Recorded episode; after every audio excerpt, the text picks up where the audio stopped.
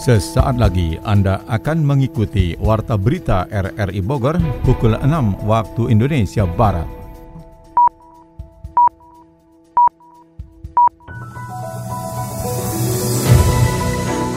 Selamat pagi. Saudara, kita kembali bersua lewat Warta Berita Senin 2 Januari 2023.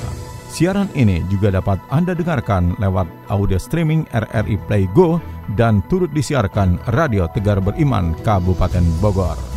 Berikut kami sampaikan berita utama. Puluhan warga menuntut ditutupnya objek wisata yang berada di atas lahan plotting Sentul City.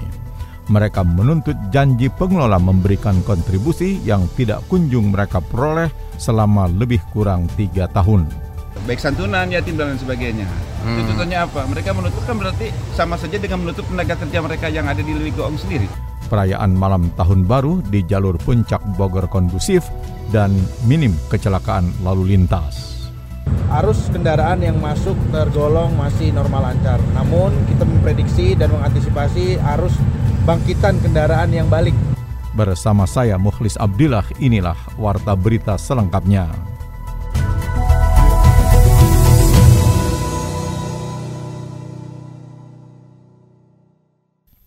Saudara, puluhan warga menuntut ditutupnya objek wisata yang berada di atas lahan plotting Sentul City. Mereka menuntut janji pengelola memberikan kontribusi yang tidak kunjung mereka peroleh selama lebih kurang tiga tahun. Selengkapnya dilaporkan Yofri Haryadi. Berkepala dingin, mudah-mudahan persoalan ini kita cepat Saya paham.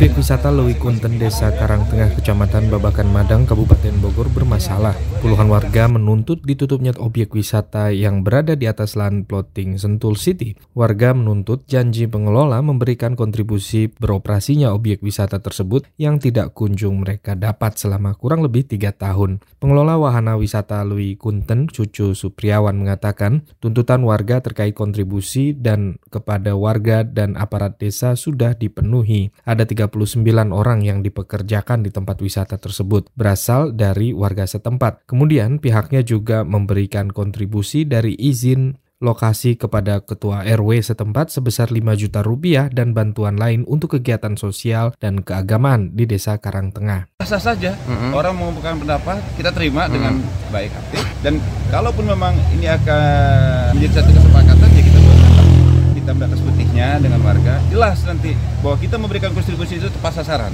ya. kalau sekarang kita memberikan tidak tepat sasaran juga kita juga tidak tidak ingin mengatasnamakan mungkin sebagai pengurus mengatasnamakan dan lain sebagainya tapi kalau kita bicara dengan warga mau istilahnya tiap minggu mau tiap bulan kita kita akan sekali lagi kalau bicara profit sharing di sini tidak ada penyertaan modal dari masyarakat tapi kalau CSR yang kita keluarkan itu pasti ada gitu baik santunan yatim dan lain sebagainya hmm. tuntutannya apa mereka menutup kan berarti sama saja dengan menutup tenaga kerja mereka yang ada di Ligoong sendiri, usaha ya. mereka sendiri. Kalaupun misalnya ini dipolitisir, kemungkinan ada oknum-oknum atau mungkin persaingan-persaingan. Persaingan usaha yang pasti persaingan usaha.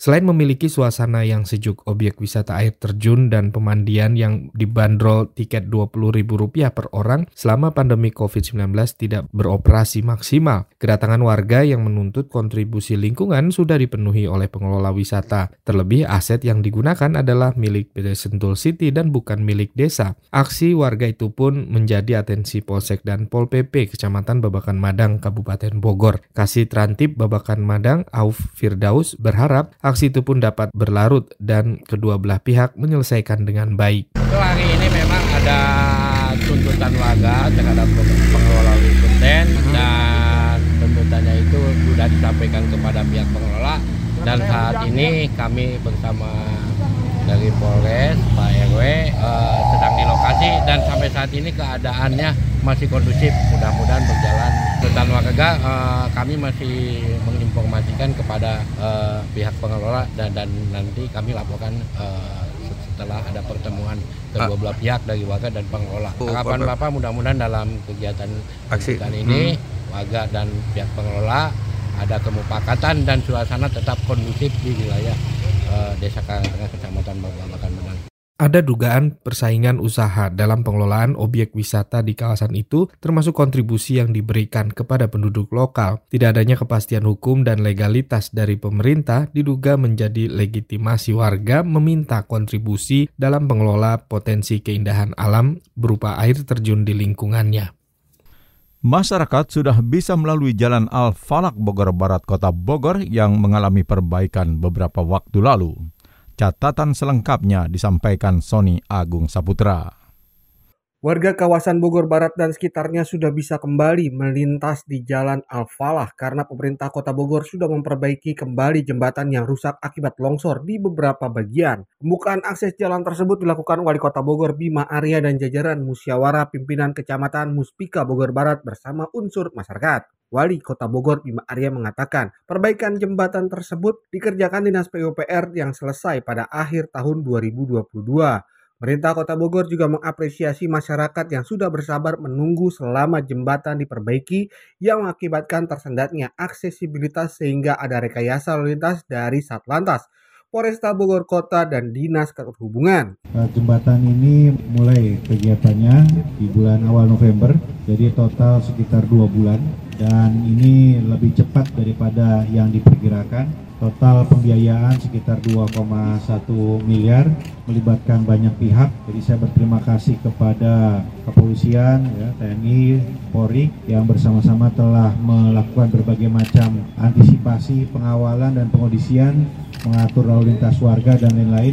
Juga berterima kasih kepada warga yang telah bersabar, minta maaf kepada warga yang terdampak dalam memanfaatkan akses ini untuk kesehariannya. Saya terima kasih juga kepada PUPR, Camat, Lurah, dan warga semua yang telah mengawal pembangunan ini sehingga lebih cepat daripada targetnya.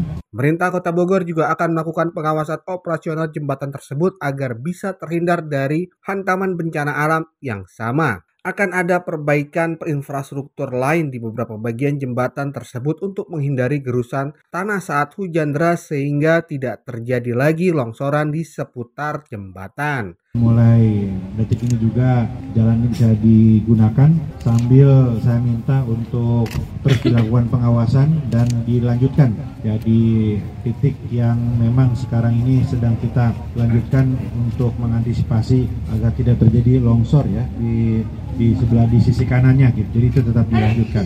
Dan ini pembelajaran juga bagi semua bahwa apabila ada hal-hal yang harus dikerjakan ya sebaiknya betul-betul harus segera diantisipasi ya, tidak menunggu sehingga kemudian bisa menimbulkan dampak yang lebih besar lagi. Jadi bagi warga Bogor terutama bagi warga Bogor Barat yang mengakses ini silakan bisa digunakan mulai detik ini juga. Masyarakat juga bisa mengakses ruas jalan lainnya karena Pemkot Bogor sudah bersiaga mengantisipasi kerusakan infrastruktur menyusul intensitas curah hujan yang masih tinggi. Gerakan Pramuka di Kabupaten Bogor terlibat aktif dalam pelaksanaan PAM malam pergantian tahun. Kita simak catatan Adi Fajar Nugraha. Terwujudnya Kamtipmas yang kondusif pada malam pergantian tahun tidak terlepas dari upaya pengamanan dari pemerintah Kabupaten Bogor bersama aparat kepolisian dan TNI. Namun yang menariknya adalah kehadiran gerakan Pramuka Kabupaten Bogor yang juga turut membantu dalam pengamanan perayaan Tahun Baru 2023. Seperti halnya di wilayah Cibinong yang menjadi pusat mobilitas masyarakat pada malam pergantian tahun. Ketua Kuartir Ranting Pramuka Cibinong, Kak Agus Setiawan mengatakan, kehadiran Pramuka dalam PAM tahun baru menjadi bukti pengabdian kepada masyarakat untuk turut serta mewujudkan kondusivitas wilayah. Hal itu tentunya telah dipersiapkan jajaran Kuarcap Kabupaten Bogor jauh-jauh hari termasuk dalam pengamanan Natal. Dalam persiapan untuk adik-adik DKR sama Andalan yang ada di jajaran Kuartir Ranting Cibinong, memang sudah disiapkan jauh-jauh hari karena memang ini adalah merupakan satu program kegiatan dari Kuaran Cibinong membantu PAM lalu lintas dan kegiatan uh, kegiatan di hari-hari besar keagamaan atau hari-hari besar nasional. Agus meminta anggota pramuka di Cibinong bisa terus melakukan pengabdiannya kepada masyarakat tidak hanya dalam momentum hari besar perayaan. Agus juga berharap pada 2023 ini jajaran Kuaran Cibinong bisa terus solid dan berkolaborasi lintas generasi dalam memberikan kontribusi nyata kepada masyarakat. Untuk 2023 insya Allah daripada Kuaran Cibinong, Dewan Kerja Ranting Cibinong, serta jajaran semua akan lebih baik lagi dan semoga lebih sukses lagi. Dan kebetulan di tahun 2023 ini akan ada satu pengurusan yang baru yang mudah-mudahan akan direvitalisasi uh, agar semua yang ada di jajaran kuartir Ranting Cibinong lebih fresh, lebih segar karena akan dikolaborasikan antara generasi yang lama dengan generasi yang baru untuk uh, kaderisasi agar Kuaran Cibinong tetap nomor satu di kuartir cabang Kabupaten Bogor. PAM yang dilakukan anggota pramuka tersebut mendapat apresiasi dan tanggapan positif dari masyarakat. Sementara Ketua Kuarca Pramuka Kabupaten Bogor, K. Agus Rido mengapresiasi peran serta dan pengabdian seluruh anggota pramuka di 40 kecamatan Kabupaten Bogor dalam membantu PAM Nataru. Perayaan malam tahun baru di jalur puncak Bogor kondusif dan minim kecelakaan lalu lintas, seperti dilaporkan Yofri Haryadi. Perayaan malam tahun baru di jalur puncak Bogor kondusif dan minim terjadi kecelakaan lalu lintas. Satlantas Polres Bogor melalui akun media sosial resminya itu pun mengucapkan rasa terima kasih kepada masyarakat dan pengguna jalan saat merayakan tahun baru di puncak Bogor. Kasat Lantas Polres Bogor AKP Diki Anggi Pranata berterima kasih atas sikap para pengendara roda 2, roda 4 dan lebih di kawasan puncak yang relatif patuhi aturan dan rambu-rambu lalu lintas, terutama saat perayaan pergantian tahun baru 2023. Kasat Lantas Polres Bogor AKP Diki Pranata menambahkan puncak arus balik terjadi pada hari Minggu 1 Januari 2023 dan pemberlakuan jalur one way di puncak Bogor lebih awal. Melaporkan update situasi arus lalu lintas di kawasan wisata puncak eh, khususnya di Simpang Gadok. Terpantau pada hari ini di tanggal 1 Januari 2023 arus kendaraan yang masuk tergolong masih normal lancar. Namun kita memprediksi dan mengantisipasi arus bangkitan kendaraan yang balik ke arah Jakarta. Oleh karena itu, barusan saja pada pukul 11.30 eh, kita memulai proses one way arah Jakarta. Baik apa? Kita laksanakan uh, pelaksanaan sampai dengan nanti situasional ya. Apabila sudah arusnya sudah keluar semua, sudah habis semua dan terkendali, kita langsung normalkan kembali dua arah. Ya karena memang terpantau di data yang kami himpun di TMC dapat kendaraan-kendaraan yang menginap. Jadi uh, oleh karena itu mengantisipasi agar tidak terjadi stuck atau macet yang parah dari uh, kita mengambil langkah untuk one way lebih awal.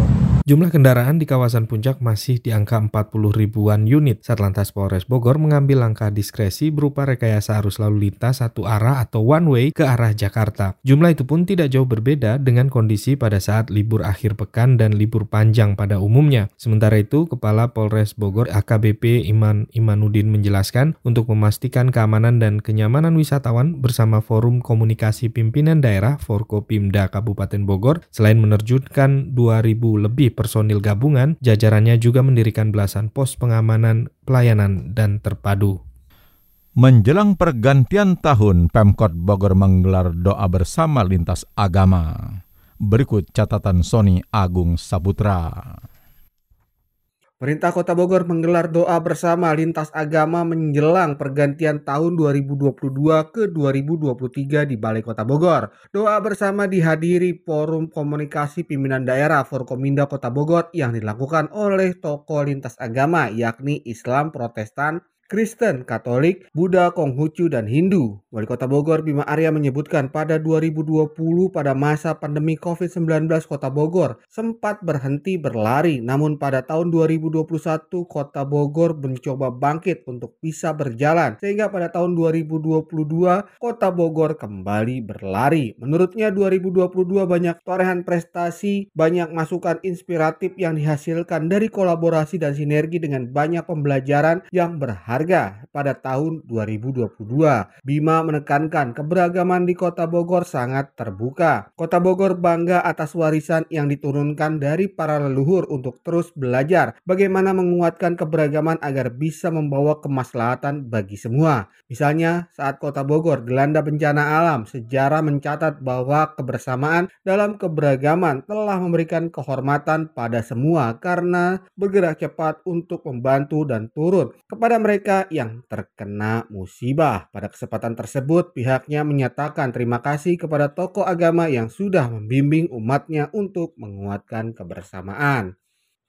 Banyak selebritis dan tokoh penting dunia seperti Bill Gates, Nelson Mandela, Wih, sampai ternyata Barack Obama dan batik juga banyak dipakai tokoh terkenal dari luar negeri ya.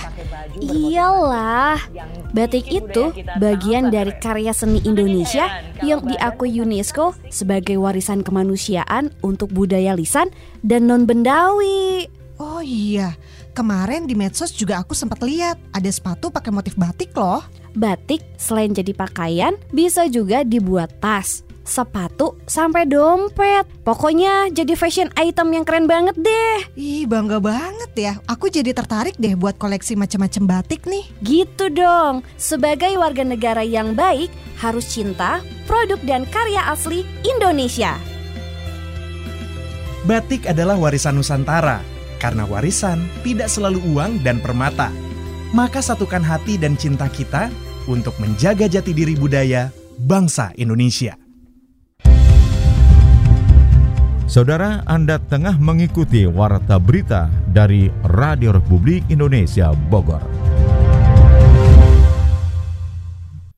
Dari dunia ekonomi dilaporkan, Wakil Presiden Ma'ruf Amin pamer pertumbuhan indeks saham syariah sebesar 9,4 persen dibandingkan 2021 lalu. Itulah antara lain info ekonomi yang selengkapnya disampaikan Adi Fajar Nugraha. Wakil Presiden Maruf Amin pamer pertumbuhan indeks saham syariah sebesar 9,4 persen dibandingkan 2021. Tak hanya itu, nilai suku koperasi pun disebut meningkat 20,23 persen. Ia menyebutkan sektor ekonomi dan keuangan syariah terus menunjukkan pertumbuhan yang positif. Terlebih menurutnya, perkembangan pasar modal syariah juga menggembirakan. Lebih jauh ia mengungkapkan sejumlah pencapaian bidang perekonomian tahun ini, salah satunya pemulihan ekonomi berjalan di jalur yang tepat. Ia optimis pertumbuhan ekonomi 2023 ditutup di angka 5,3 persen dengan inflasi di kisaran 3 persen. Ia juga meyakini pemerintah akan menjaga level konsumsi domestik dan daya beli masyarakat. Kemudian saat ini sektor keuangan telah sehat dan kuat. Wapres melihat dari sektor perbankan, rasio kecukupan modal yang kuat, rasio kredit bermasalah yang rendah dan dalam batas aman, serta pertumbuhan kredit perbankan mengindikasikan semakin meningkatnya kepercayaan dan optimisme pelaku usaha. Tak hanya itu menurutnya sektor UMKM juga mulai bangkit melalui pemulihan ekonomi nasional dan implementasi Undang-Undang Cipta Kerja. Maruf Amin berharap kinerja pasar modal Indonesia Indonesia tumbuh positif pada 2023 dengan semakin banyak perusahaan yang go public. Menteri Perdagangan Zulkifli Hasan mengajak pelaku usaha mikro, kecil, dan menengah atau UMKM berkolaborasi dengan pemerintah pusat dan daerah guna meningkatkan kualitas produk Indonesia. Dari kolaborasi tersebut diharapkan produk Indonesia semakin diterima di pasar internasional, khususnya pasar ekspor baru. Hal itu dilakukan untuk mengembangkan produk Indonesia agar lebih berkualitas dan bagus, baik dari sisi tampilan, desain maupun kemasannya. Tujuannya agar produk Indonesia mampu menembus pasar internasional, khususnya menggayat konsumen baru. Ia menyampaikan di tengah resesi di negara lain, ekonomi Indonesia tumbuh 5,72 persen pada triwulan 3, termasuk tertinggi di dunia. Indonesia juga mengalami surplus perdagangan pada Januari hingga November 2022 sebesar 50,59 miliar US dollar. Menurut Zulhas, kinerja positif tersebut tidak terlepas dari peran pelaku UMKM sebagai pahlawan ekonomi Indonesia, sementara pemerintah hanya bertugas untuk mendukung dan melayani pelaku usaha khususnya UMKM. Ia menambahkan saat ini pasar tradisional tujuan ekspor Indonesia mengalami penurunan. Untuk itu Kementerian Perdagangan melakukan terobosan dengan meningkatkan penetrasi ke pasar ekspor baru seperti di kawasan Afrika, Timur Tengah, serta Asia Selatan. Pemerintah juga membuka jalan tol dengan negara tujuan khususnya pasar non-tradisional, di antaranya seperti Korea Selatan, Uni Emirat Arab, Chile, dan negara-negara ASEAN lainnya. Langkah tersebut dilakukan agar produk UMKM dapat masuk ke negara-negara tersebut dengan mudah sehingga ekonomi tetap tumbuh.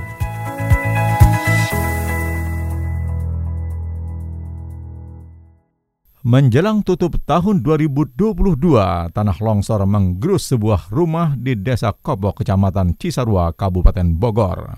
Yofri Haryadi menurunkan catatannya. Di penghujung tahun 2022, bencana alam tanah longsor kembali melanda wilayah Kabupaten Bogor, yakni di RT 01 RW 11 dan RT 2 RW 8 Desa Kopo, Kecamatan Cisarua pada Jumat pagi. Sebuah rumah di tebingan ambruk dan mengakibatkan bagian halamannya tergerus hingga kendaraan yang terparkir terperosok ke dalam jurang. Pemilik rumah Santi mengaku kejadian tersebut baru kali ini terjadi dalam puluhan tahun menempati rumah di Desa Kopo, Cisarua, Kabupaten Bogor. Beruntung tidak ada korban luka maupun jiwa dalam peristiwa itu. Mobil dan bagian teras rumah yang terbawa kikisan longsor itu pun menjadikan penghuni rumah di sekitar itu mencari lokasi yang aman, waspada terjadi longsor susulan. Orang atas sih orang blok C ya. Oh gitu. Iya, saya nggak kenal alhamdulillah. Iya. Saya di wilayah itu, tapi saya nggak kenal. Jadi saya sebelah sini posisi blok saya. Jadi kejadian sebelah sana. Oh gitu. Iya. Tapi ibu khawatir itu ada rendam. Ya khawatir lah. Udah berapa? Udah pernah kejadian seperti ini? Baru ini. Baru ini. Iya. Baru ini kejadian seperti ini. Ibu udah berapa tahun ninggalin menempati tempat? Suami saya udah 20 tahun, 23 tahun. 23 Iya. tahun. Iya, iya. Dan baru sekarang kejadian. Iya, baru sekarang ini saya eh, merasa sebelumnya nggak ada. Saya juga nggak tahu ya. Memang dari kemarin hujannya nggak berhenti berhenti. Tidak hanya longsor dan pergeseran tanah yang menjadi ancaman bagi warga yang menghuni kawasan perbukitan di Kabupaten Bogor. Hujan deras disertai angin kencang dan puting beliung, bahkan petir yang mengakibatkan pohon tumbang juga menjadi atensi yang harus dihindari. Di tengah penghujung masa jabatannya, Kepala Pelaksana BPBD Kabupaten Bogor Yani Hasan mengingatkan, terutama bagi warga Caringin dan Cijeruk untuk sama-sama waspada. Karakteristiknya kalau untuk tanah longsor itu ya di daerah-daerah perbukitan, perbukitan nggak hanya barat. Yang justru yang paling sering itu kecamatan Caringin dan kecamatan Cijeruk. Cuma memang tidak jangan dibayangkan longsornya itu blok gitu ya nggak seperti itu. Biasanya kecil-kecil kan tetap terdata seperti itu. Walaupun pak satu rumah hanya menimpa apa pun itu seperti itu. Eh, kar- karena limpasan ininya ya limpasan saluran.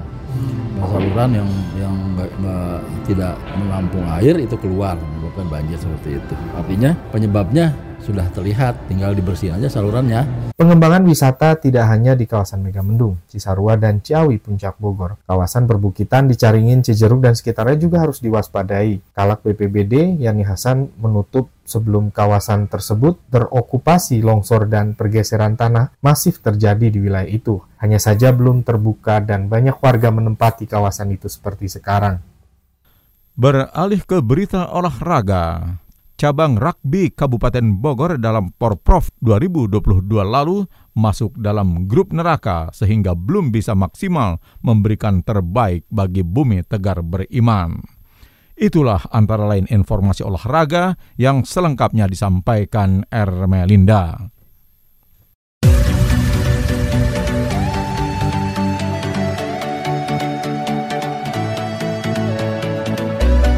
Indonesia akan menghadapi laga penentuan pada laga terakhir grup A melawan Filipina pada Piala AFF 2022. Duel Filipina melawan Indonesia akan digelar di Stadion Rizal Memorial Manila malam nanti pukul 19.30. Indonesia tengah memburu tiket ke babak semifinal Piala AFF 2022. Sementara Filipina sudah dipastikan tersingkir. Pasukan Garuda saat ini menempati peringkat kedua klasmen grup A Piala AFF 2022 dengan 7 poin. Indonesia kalah selisih gol dari Thailand yang ada pada puncak klasmen dengan jumlah poin yang sama. Indonesia berpeluang menjadi juara grup. Nadeo Argawinata dan kawan-kawan bisa finish teratas jika mengalahkan Filipina dan Thailand seri atau kalah melawan Kamboja. Thailand dan Kamboja akan bertanding dalam waktu bersamaan di Stadion Tamasat. Kedua tim akan saling kejar karena Kamboja saat ini mengumpulkan 6 poin yakni peringkat ketiga. Siapa pun yang menang dari laga tersebut akan lolos ke semifinal. Indonesia juga masih bisa menjadi juara grup andai Thailand menang atas Kamboja asalkan Indonesia juga menang dengan selisih dua gol lebih banyak dari Thailand. Memasuki awal 2023 ini Kota Bogor memiliki dua gelanggang olahraga masyarakat GOM masing-masing di Kecamatan Bogor Utara dan Kecamatan Bogor Selatan yang diresmikan di akhir tahun 2022 di mana GOM tersebut bisa digunakan masyarakat secara cuma-cuma. Kepala Dinas Pemuda dan Olahraga Dispora Kota Bogor Heri Karnadi mengatakan pembangunan GOM tersebut merupakan janji kampanye pasangan wali kota dan wakil wali kota Bogor. Masing-masing GOM dibangun di lahan pemerintah Kota Bogor seluas hampir satu hektar. GOR berstaraf internasional di Kayu Manis. Oke, Kayu Manis. Stadion, stadion. Oh, stadion bertaraf internasional. Yang kedua, pembangunan GOM. GOM itu gelanggang olahraga masyarakat di lima kecamatan lainnya. Kalau Terasa sudah diwakili oleh Kayu Manis dengan taraf stadion taraf internasional, lima kecamatan lainnya itu gelanggang olahraga. Harry menjelaskan konsep dari dua GOM tersebut merupakan olahraga dan hiburan yang ramah keluarga, anak-anak, dan lansia. Sehingga GOM ujar Harry bisa digunakan tidak hanya untuk olahraga tetapi juga untuk bermain dan kulineran. Menurutnya usai pembangunan dua GOM itu akan ada pembangunan tahap kedua di mana di Bogor Selatan juga akan dibangun gor indoor. Untuk sementara waktu dua GOM itu masih dijaga oleh Dispora Kota Bogor di mana pegawai Dispora akan mengatur siapa saja pengguna yang akan memanfaatkan fasilitas di dua GOM tersebut. Sementara itu Dinas Pemuda dan Olahraga Dispora Kabupaten juga memasukkan pengajuan pembangunan gelanggang olahraga masyarakat GOM pada 2023 ini. Bahkan pembangunan GOM tersebut telah dimasukkan dalam rancangan pembangunan jangka menengah daerah atau RPJMD di tahun 2022. Kadispora Kabupaten Bogor Asnan mengatakan hanya ada satu GOM yang akan dikerjakan di tahun ini. Namun mantan Kadis Lingkungan Hidup itu enggan menyebutkan di kecamatan mana GOM itu akan dibangun. Ada beberapa usulan prioritas yang kita apa namanya untuk kita laksanakan di tahun 2023. Hmm. Salah satunya adalah untuk penuntasan eh, program Pancakarsa dan RPJMD. Hmm. Salah satunya adalah membangun kemudian beasiswa Pancakarsa tadi dan banyak usulan-usulan yang sudah masuk ke eh, SPD yang menjadi hmm. kewenangan di sekolah dari kecamatan. Kita untuk 2023 satu karena penuntasan target di RPJMD kita kurang satu. Gitu. Tapi mudah-mudahan kalau terlihat anggarannya kecamatan mana? bisa yang gomnya? tambah ya Pak bisa. Kecamatan mana gomnya? Uh, gomnya itu kecamatan Padang. Uh, belum. Belum ya? belum. Hanya satu aja. Belum ada usulan tadi? Kan memang kegiatannya di tahun 2021 hmm. kemarin tapi untuk dilanjutkan di tahun 2023 ini lanjutan gitu. karena kan kemarin di tahun kemarin ada sedikit masalah Selain itu, Asnan juga mengatakan Dispora kembali akan mendorong rencana pembangunan akuatik yang sudah diusulkan sejak lama karena menurutnya detail engineering design atau DED rencana pembangunan akuatik ini sudah ada dan diserahkan ke pemerintah daerah. Pengurus cabang Pengca Persatuan Rugby Union Indonesia PRUI Kabupaten Bogor belum bisa memenuhi target juara dengan merebut medali emas yang ditargetkan KONI setempat pada Porprov ke-14 Jawa Barat 2022 beberapa waktu lalu. Ketua Rugby Kabupaten Bogor Muhammad Karol mengatakan dalam Porprov 2022 timnya masuk dalam grup neraka sehingga belum bisa maksimal memberikan yang terbaik bagi Bumi Tegar beriman. Namun Karol optimis di tahun 2023 bersama seluruh atlet binaannya bisa memperbaiki sejumlah sejumlah kendala yang dialami pada Porprov 2022.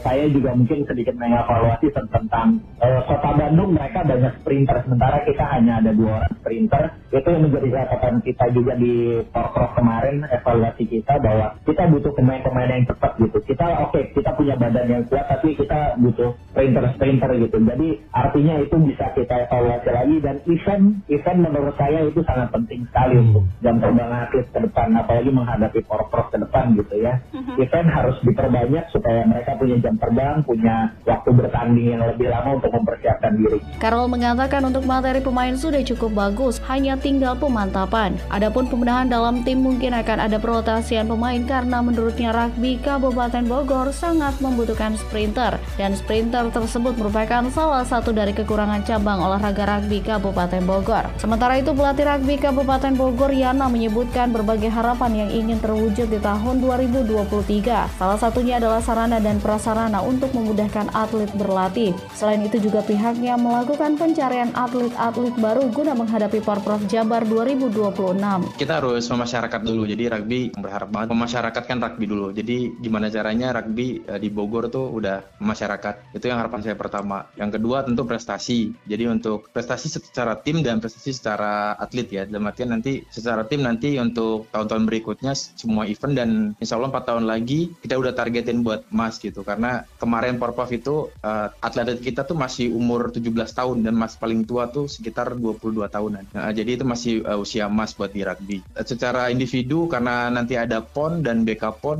harapan saya sebagai pelatih ada beberapa pemain yang masuk nanti buat masuk uh, ngebela pon nanti ya di Jabar nanti. Buat di Papua si Aceh maksudnya. Anggaran sih sebisa mungkin buat ideal lah gitu. Uh-huh. si ideal mungkin buat rugby. Karena jujur kalau saya sendiri sudah minta ke ketua gitu untuk sekretariat ya untuk rugby karena sampai sekarang rugby belum dapat sekretariat. Gitu. Hmm. Ya karena itu kan uh, salah satu mungkin ngebantu juga buat beberapa atlet gitu kan yang rumahnya jauh gitu kan. Jadi buat base camp juga hmm. gitu. Harapan hmm. saya gitu dan mudah-mudahan juga lapangan latihan juga bisa terpenuhi gitu karena kita masih pindah-pindah lapangan latihannya. Yana menambahkan para pemain rugby tersebut rata-rata masih berusia muda dan memiliki bakat alam yang sangat luar biasa. Mereka tinggal dipoles secara rutin lewat latihan-latihan dengan harapan menjadi pemain-pemain handal cabang olahraga rugby Bumi Tegar Beriman.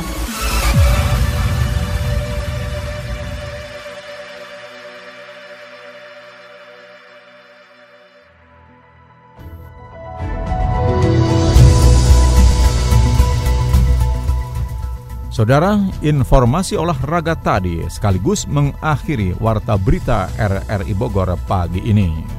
Siaran ini dapat Anda dengarkan kembali melalui podcast kami di Spotify, Anchor, Podtail, dan Google Podcast.